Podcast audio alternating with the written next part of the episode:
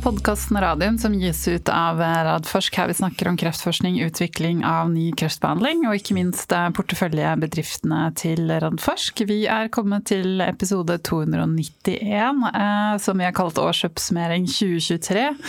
Eh, og kanskje ikke minst hva som skjer i 2024. Eh, det er blitt 9. januar, klokken er halv tolv. Velkommen i studio, Jonas Einarsson. Takk skal du ha, Elisabeth, og godt nyttår. Godt nyttår. Vel overstått? Absolutt. Ja. ja. Rolig, rolig romjul, det var veldig hyggelig. Ja, det hadde jeg også etter en altfor mye sykdom i eh, desember. Ikke noe mer av det i 2024, hvis vi skal ha noen spådommer eh, for vår egen helses eh, del. Så er vi ferdig med det.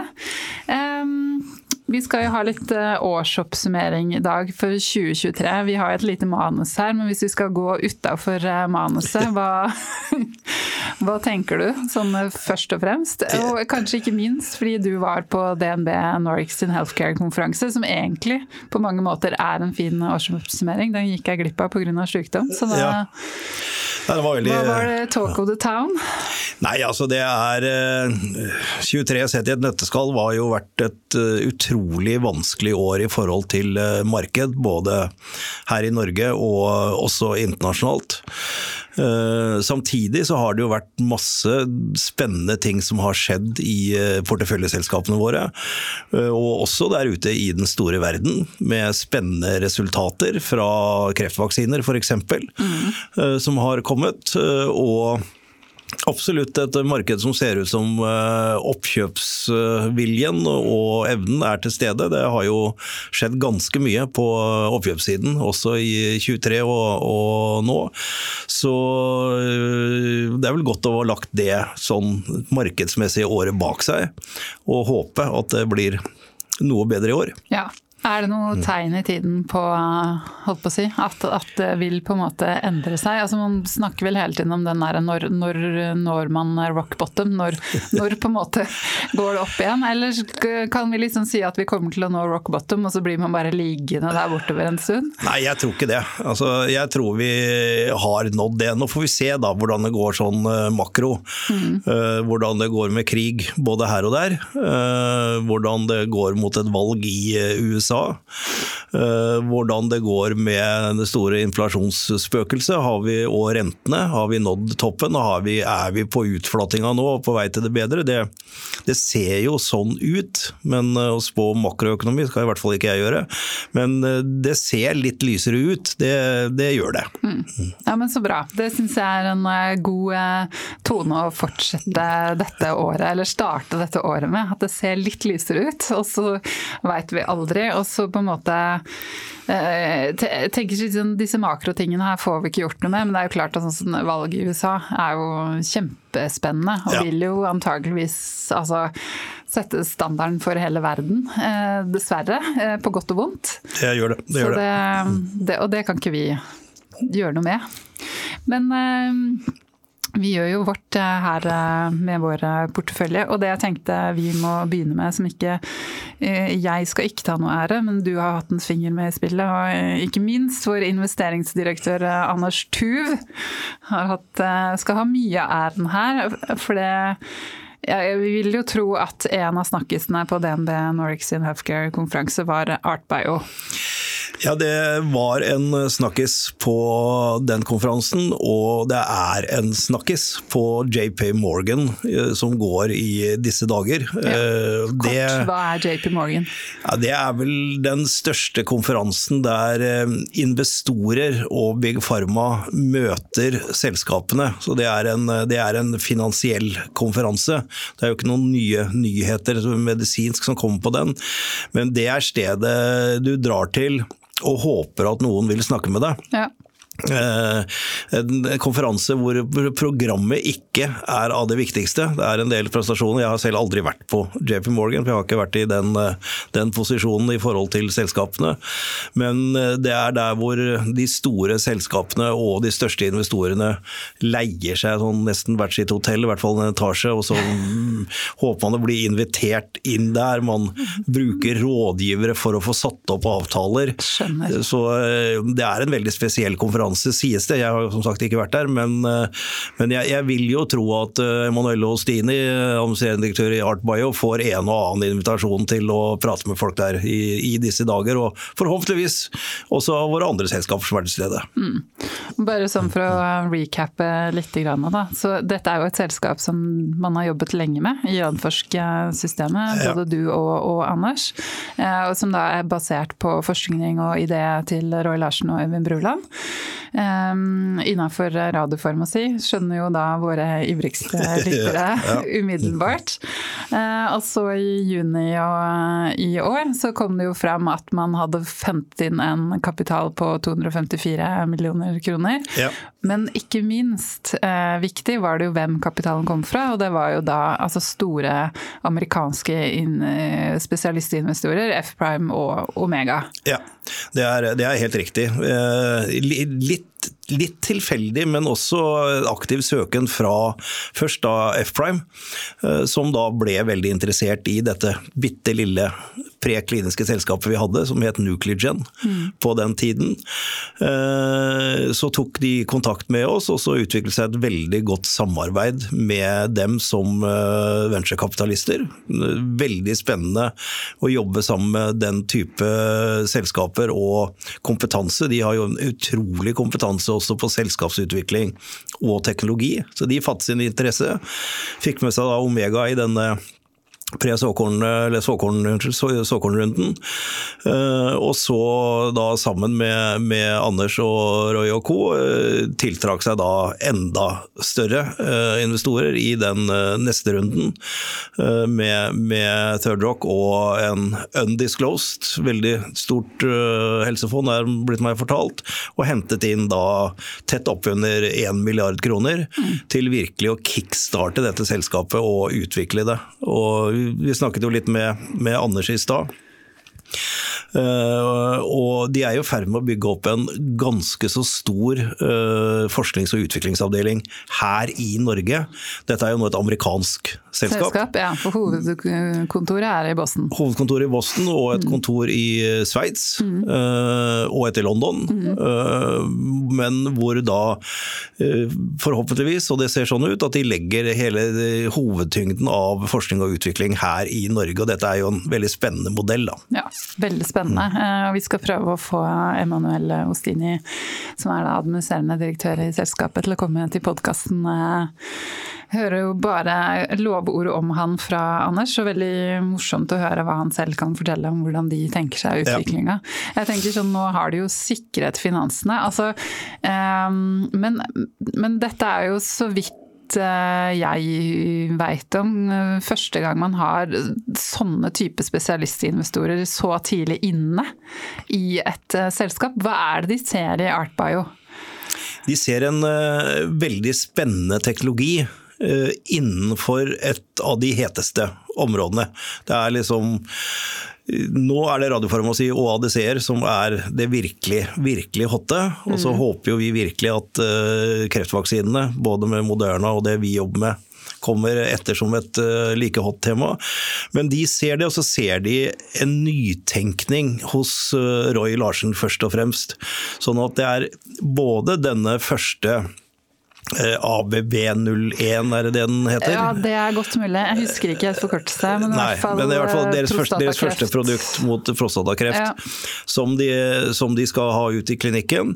Eh, men så er det også en eh, generatorteknologi, altså en, en løsning på hvordan får man levert disse alfa-emitterne ut til pasienter. Det er veldig hot tema rundt i verden om skal, hvilken type isotoper man skal bruke.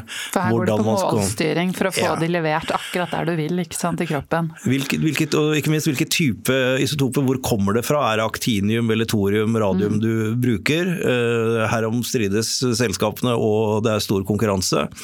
Uh, og så er det å få distribuert det ut til pasientene, sånn at de får lages lokalt et sted, skal fraktes til sykehuset. Dette er jo en levende radioaktiv mekanisme mm. som skal ha den helt riktige sammensetningen når pasienten får den. Dette er det den teknologien til Roy jobber med. Som er Jeg ikke skal gå inn på teknologi der, det kan vi snakke med Emanuelle om. Det kan vi gjøre. Ja, det er veldig, veldig gøy, og vi må jo bare da nevne den livepodkasten som ble laget på DNB Healthcare, som hadde nettopp det med radiofarmasi ja. som, som, tema. Nettopp fordi det er et veldig hot område nå innenfor legemiddelindustrien. Men ikke minst fordi det er jo et område hvor vi i Norge har klart å utmerke oss, selv om vi er et knøttlite land i den store globale verden. Og så var jo da 2023 året hvor det er ti år siden Sofigo, altså utviklet av Algeta ja. Bayer, fikk markedsføringsgodkjennelse.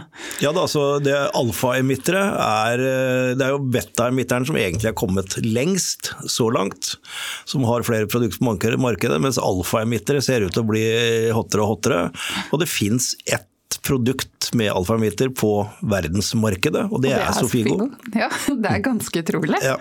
Kjempe, kjempekult. Um, i, sånn Utafor porteføljen vår, men innafor radiofarmasien, så er det jo ganske spennende å følge med på hva som skjer i uh, Tor, eller Thor, heter det kanskje Medical også. Ja. Uh, for de driver jo med og setter opp noe så um, avansert som et pilotproduksjonsanlegg for uh, alfamitere basert på thorium. Ja. Eh, og så ser jeg jo også at eh, Roy og Øyvind de har vel hentet tilbake patenten og know-howen som var i da tidligere Nordic Nanovektor. Ja. Satt opp et nytt selskap. Ja. ja. Roy har sagt at han vil, vil, vil, se på alle resultatene og snu litt stener der og se. Fordi, som Øyvind, Øyvind og Roy sier, vi skjønner ikke helt at dette ikke virket. Nei, ikke sant? Så de vil gjerne gå en ny runde på det, så det blir spennende. Ja, det er jo kjempespennende. Og de er jo de rette til å Absolutt. se på det. Som har vært vært med å utvikle det. Og hvis de da ikke skjønner det, så er det jo greit å ta, eh, få en second opinion fra nettopp de. Um, noe mer å si om Artbio radiofarmasi der, eller har vi dekket det, det meste?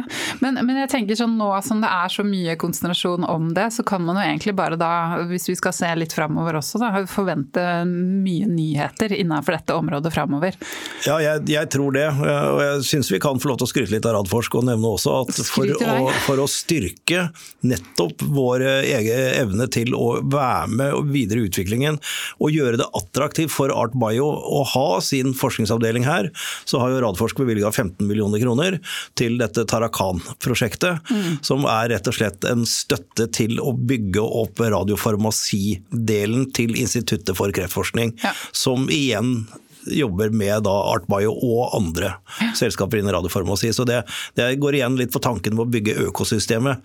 Hvis ikke vi har det, så flytter de sin forskningsavdeling til et annet sted hvor de satser på dette. Mm. Så vi er nødt til å henge med. Kjempebra. Og det skjedde jo også i 2023 at dere ga denne støtten. og det, altså Man begynte å jobbe med å etablere dette senteret under ledelse av Asta Jussienne, ja. eh, instituttet. Og så er jo da Øyvind Bruland med der. Eh, sammen med ei til, som jeg ikke husker navnet på i farta.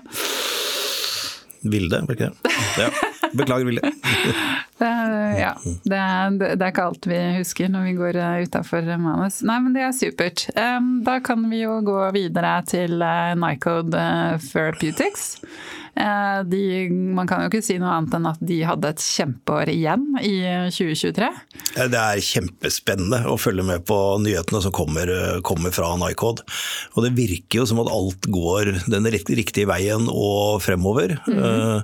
Og så er det nye studier på gang som vi da venter i stor spenning med å få resultatene etter hvert. Og om ikke så altfor lang tid heller. Ja, eh, for det ene er vel den fase to-studien eh, på VB10-16, altså den kreftvaksinen mot HPV16-indusert kreft. Der skal det vel komme noe komme noe data i løpet av året, hvis ikke jeg husker helt feil. Ja. Der har det jo kommet data før, men på en måte enda mer detaljert. Og akkurat på den vaksinen så setter de jo opp en en, det de håper skal være en, en eh, pivotal studie, altså en registreringsstudie i USA nå. Nå tror jeg kanskje ikke første pasient er innrullert enda.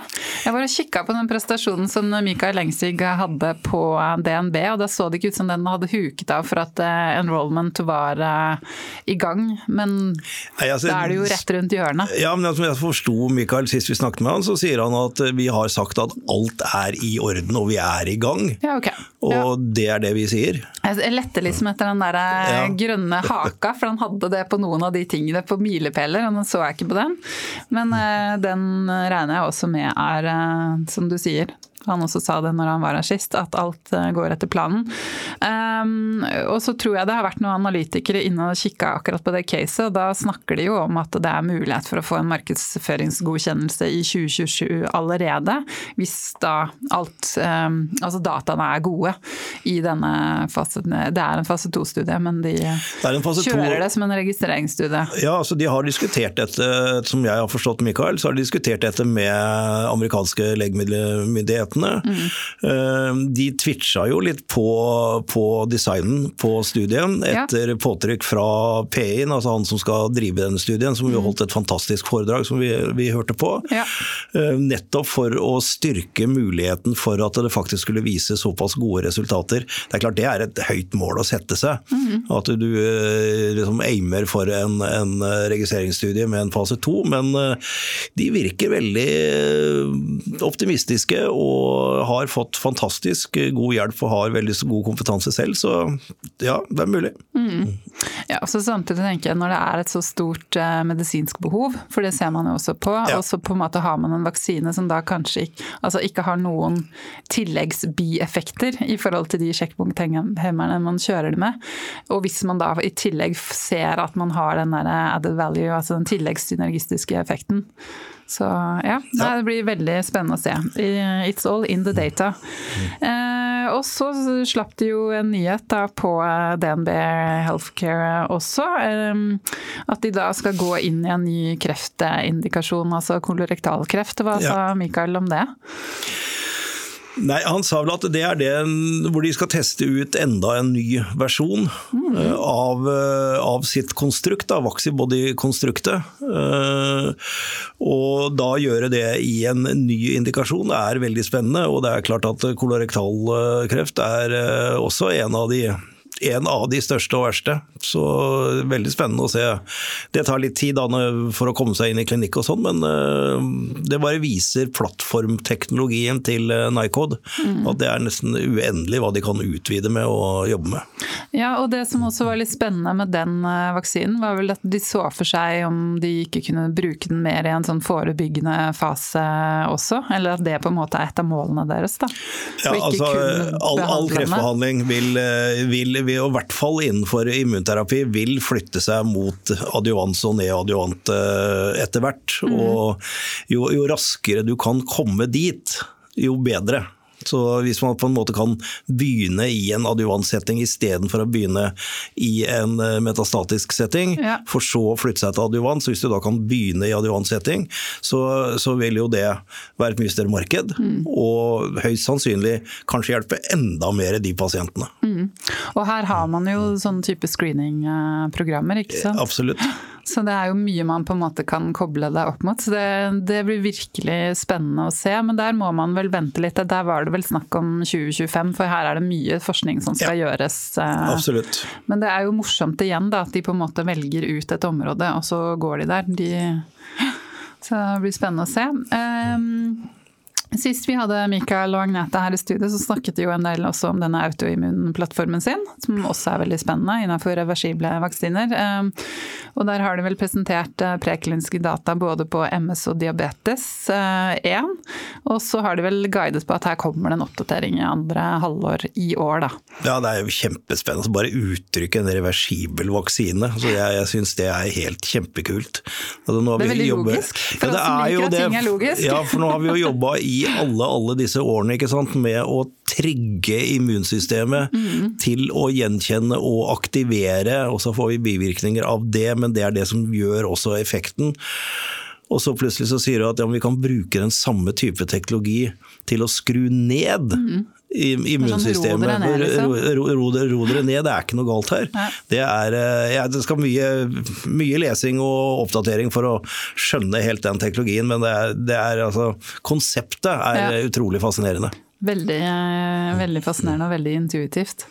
Eh, og så apropos eh, finansiering, de henta jo i oktober inn eh, litt over en halv milliard kroner, 505 millioner eh, norske kroner, i en svært overtegna emisjon. Ja. Og nok en gang så ser vi jo at disse spesialistinvestorene er på plass. Jeg vet ikke om vi egentlig trenger å gå innom hvorfor, hvorfor Nycov, hvorfor er de interessante? For det har vi vel snakket om ganske mange ganger. men, jeg tror eh, nok de ikke hadde så altfor store problemer med å få de rette fiskene på kroken der. Eh, og dette er et ledd i en selskapsutvikling og internasjonalisering av Nycode. Og de har jo selv sagt veldig tydelig at en målsetting er en uh, notering på Nasdaq. Ja. Uh, og en av de tingene du må ha på plass for å gjøre en notering på Nasdaq, det er amerikanske spesialistinvestorer. Så denne runden her var ikke først og fremst for penga, det er ikke noe i veien å få en halv milliard inn på eh, bok, men det var først og fremst å posisjonere selskapet til å gjøre en notering på Nasdaq, som Michael har sagt i dette studio at de er helt klare til å gjøre og trykke på knappen. Alt, alt forarbeidet, all jobb er gjort, og da er det markedsmessige vilkår som bestemmer når han trykker på knappen. Ja.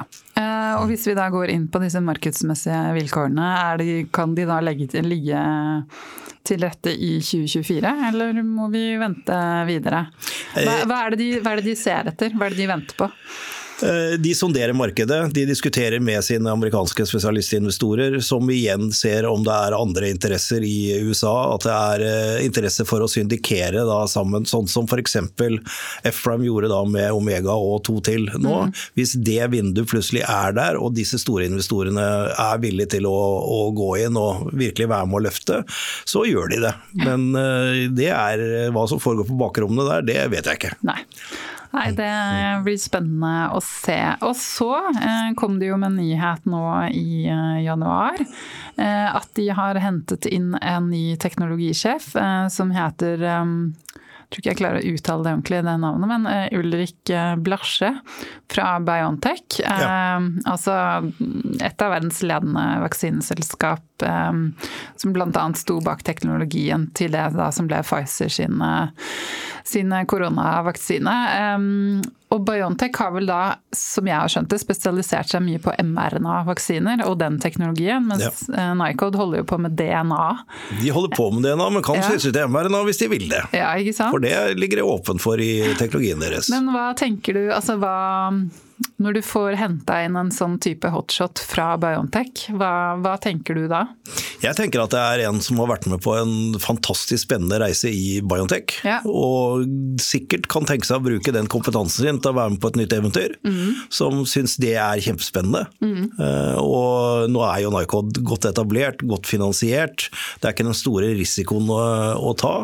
Men vi ser jo at med den rette teknologien, så kommer også de rette menneskene. Folka, Jeg mener, ja. gå, gå inn på hjemmesiden til Art Bio og se på det, Ja, det ledelsesteamet der. Det er, det er ikke småtteri. Altså, og det styret der, det er jo helt internasjonalt toppklasse alt sammen. Så det er, eh, det, det er mulig. Det var eh, veldig, veldig gøy å se. Det er- jo en eh, ytterligere validering eh, av, av selskapet, når de klarer å tiltrekke seg den type folk. Eh, Da må vi over til Ultimovax. Yeah. Ja, så får du ta på deg styrelederhatten. Skal jeg gjøre.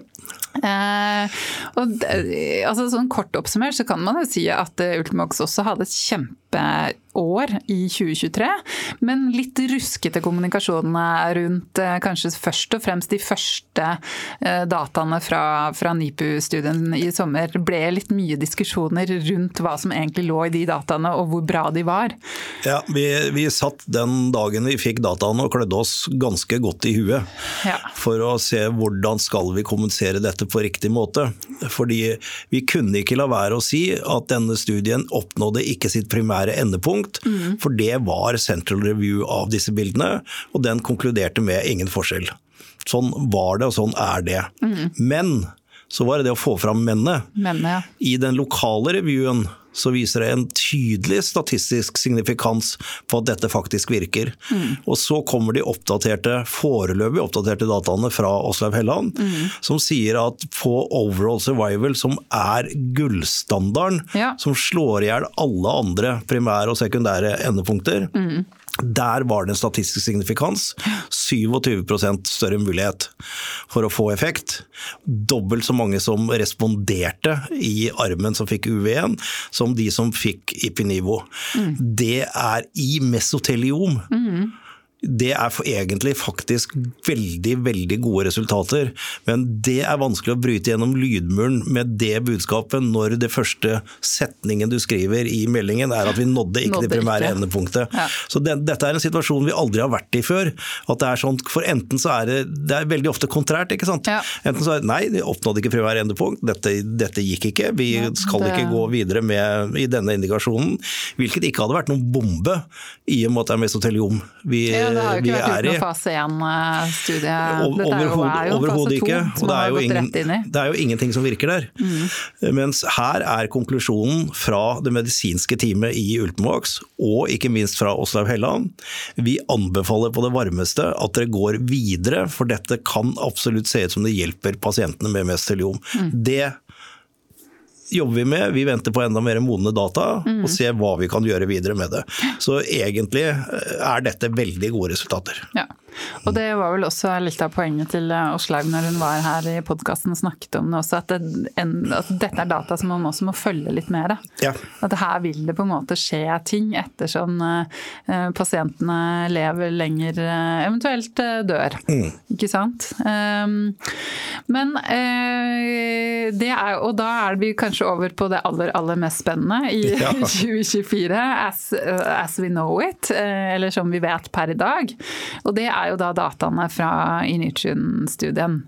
Eh, de var jo eh, altså, guidet på at de skulle kommet i fjor. Mm. Eh, først på våren, og så på høsten. Og så kom det ganske tidlig fram på høsten fram at sånn som det er nå, så skjer det jo ingenting med disse pasientene. Og det kunne på en måte kanskje ta flere år før man kunne si noe om altså i forhold til protokollen da, som på en måte er skrevet, åpne opp og se på dataene. Men da har jeg skjønt at eh, man har gått inn i en dialog med legemiddelmyndighetene, som man må gjøre når man skal endre protokollen, og at man nå eh, kan åpne åpne studien og kikke på dataene? Det er, det er, helt riktig. Vi gikk i en dialog med, med FDA og EMEA. og Uten å vite resultatene, så vet man jo historisk sett hvordan denne type kurver ser ut. Og det ser ut som, understreker ser ut som, mm siden vi ikke vet, at eh, kanskje begge armene har nådd platåene sine. Og da heldigvis, da, for pasientene, så fortsetter de å leve. Så fortsetter de veldig, veldig mange av de i hvert fall å leve. og mm. Eh, statistikerne og fagfolka sier da at eh, vi kan egentlig ikke si når og om man oppnår disse 70 eventene, altså halvparten av, eller, av 156 pasienter. Sånn at det blir nesten Det blir ikke nesten, det blir uetisk å vente på dette enda lenger. Og Da ble vi enige om at eh, vi åpner databasen i slutten av denne måneden. Stemmer det. Eh, og begynner å, å analysere ja. dataene. Og så vil vi da annonsere topplinjeresultatene når dataene foreligger og selskapet har sagt mars slash april. Ja. Mars slash april. Ikke, ikke, gjør dere midt i påskeferien, da. jeg, tror, jeg, tror, jeg, tror, vi skal klare å time det litt bedre enn det. Så nei, Det er klart at det er eh, utrolig spennende å, ja. å vente på de, de resultatene. Det, det må jeg virkelig si. Kan du si litt om hva det betyr for selskapet, gitt gode data? Er gitt gode data, da kommer jo også dataene fra NIPU i et annet lys. da. Mm. Ikke sant? Fordi vi mener jo helt bestemt at det, det, viser at det har en viss effekt i denne utrolig vanskelige formen hvor, hvor ingenting virker. Og hvis mm. vi da kan vise til gode data fra Initium, altså, og det å oppnå primærendepunktene er fantastisk hvis vi klarer det. Mm. Da har vi vel vist at at UV1 har et potensial som en universell kreftvaksine, i tillegg til checkpoint-hemmere. Og det å begynne å tenke tall i forhold til det, hva det betyr av verdier og sånn, det, det, blir sånn Donald Duck-tall. Ja. For det, det, vil være et fantastisk gjennombrudd. Det vil mm. være Jervøy-øyeblikk nummer to. Men vi vet ikke det enda. Det, men altså mars-april, da merker vi oss det. Eh, hvis vi går eh, litt til hjemlige ting, så kommer vi jo ikke utenom at eh, med byrådsskiftet i Oslo, så fikk man plutselig grønt lys for Innovasjonsparken. Ja. Eller den videre, videre, utvidelsen av Innovasjonsparken, som på en måte har ligget som en sak i Oslo kommune i fem år snart? Ja, Vi har i hvert fall jobbet i fire år med det forrige byrådet uten å komme til en enighet om hvordan dette skulle gjøres. Mm. Og i Hammersborg-erklæringen til byrådet så er det veldig mange punkter som sier at vi skal legge til rette for og vi skal øke innsatsen og sånn, men det er bare et par punkter hvor det står 'skal'. Ja. Og en av de er eh, tomtene skal selges til eh, Oslo Science Hub. Eh, vi har møtt et veldig positivt engasjert byråd. Både byrådsleder Eirik La Solberg og byråd for byutvikling James Love Stove Lorentzen, unnskyld, ja, James, beklager, ja. Eh, er virkelig på ballen. Og vi, vi, regner med at dette går i orden relativt raskt nå. Sånn at vi virkelig kan eh, Vi har hele teamet klart til å begynne å jobbe med denne reguleringen av utvidelsen.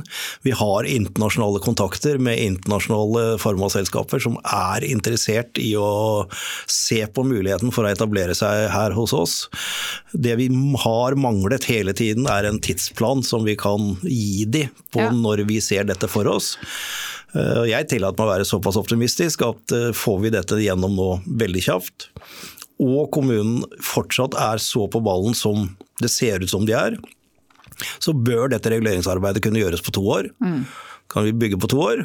Så i 28, hvis ja. vi er rimelig litt optimistiske, det, det bør være mulig. Og i hvert fall ha kommet godt i gang. Vi, vi starter jo ikke å bygge 40 000 kvadratmeter i ett bygg. Dette blir jo en trinnvis utbygging av eh, arealet. Mm. Så jeg håper vi kan komme i gang om, om to år. Ja.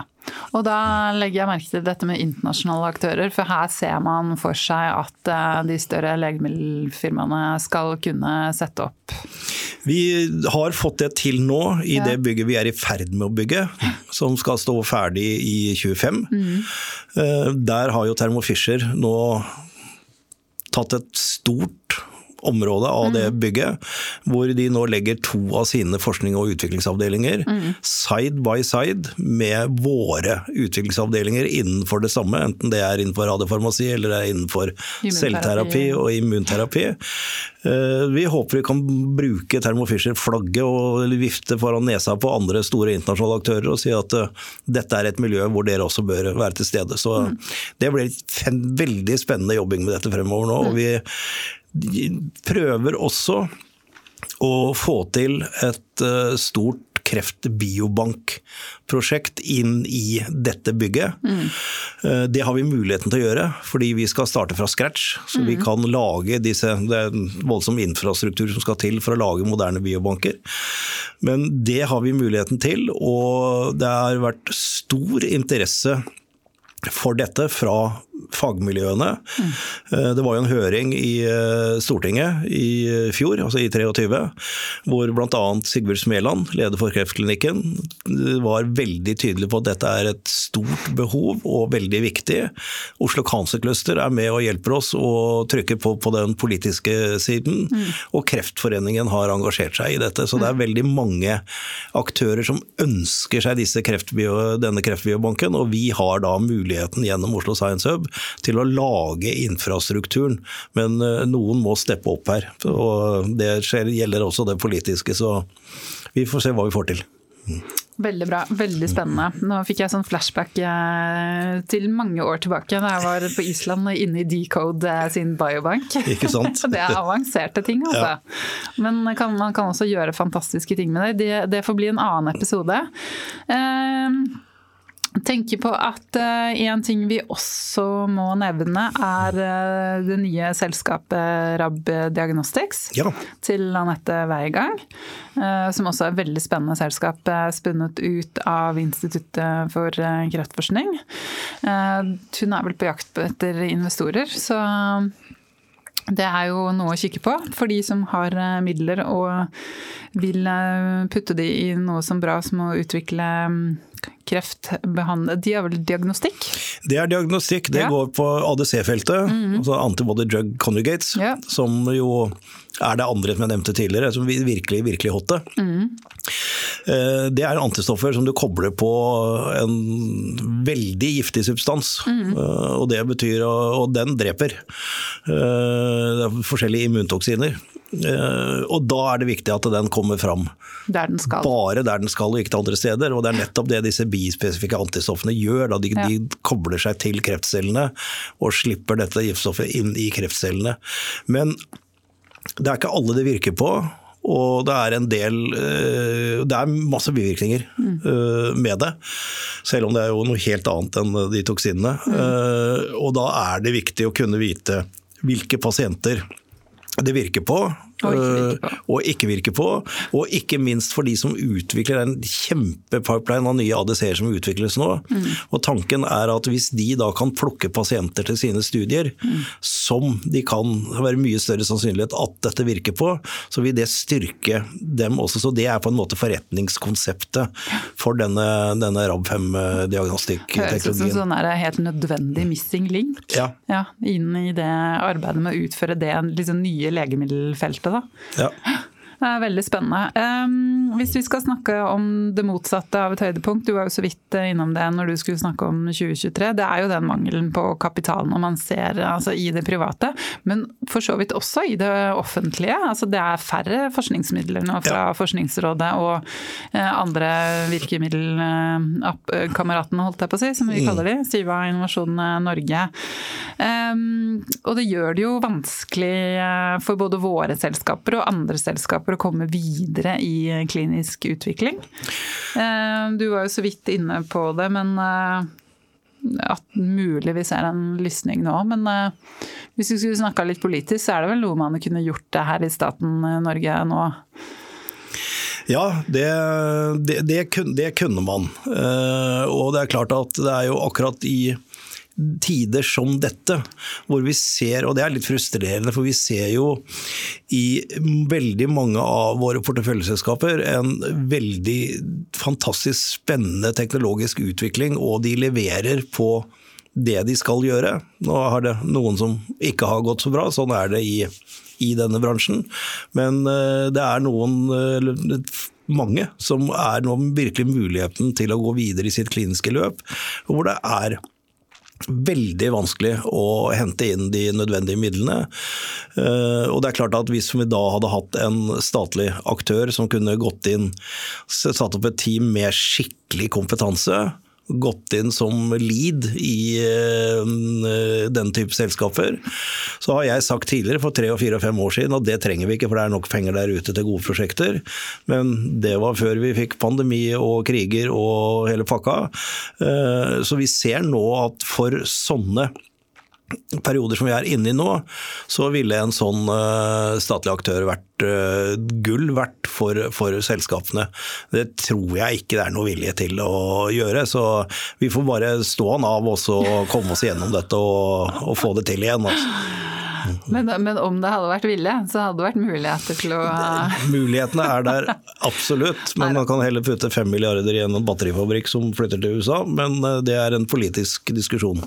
Det er en politisk diskusjon, men samtidig så kom jo regjeringa med dette såkalte veikartet for, eh, for helsenæring, og da, hvor de har de store ambisjoner, ikke minst om alt, alt man skal kunne eksportere fra denne helsenæringen. Ja. Og mye, mye blir jo eksportert allerede, men det er jo fra store etablerte bedrifter som Ja. bl.a. GE Healthcare. Da. Fantastisk eh, på kontrastmiddel og, og den slags.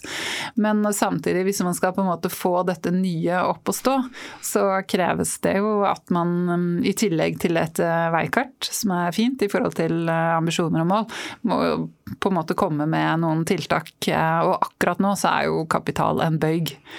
Akkurat nå så har vi egentlig vi har økosystemet, vi har forskningen, vi har kompetansen. Vi begynner å få attraktivitet. Vi ser jo det på disse selskapene når vi får inn av internasjonale både aktører og, og kompetanse inn. Mm. Men akkurat nå, så i, kanskje i et år eller to til, jeg vet ikke hvor lenge det varer, så er det kapitalen som er eh, problemet. Og da, eh, da er ikke den der. Nei. Mm det får være vårt eh, politiske budskap eh, på slutten.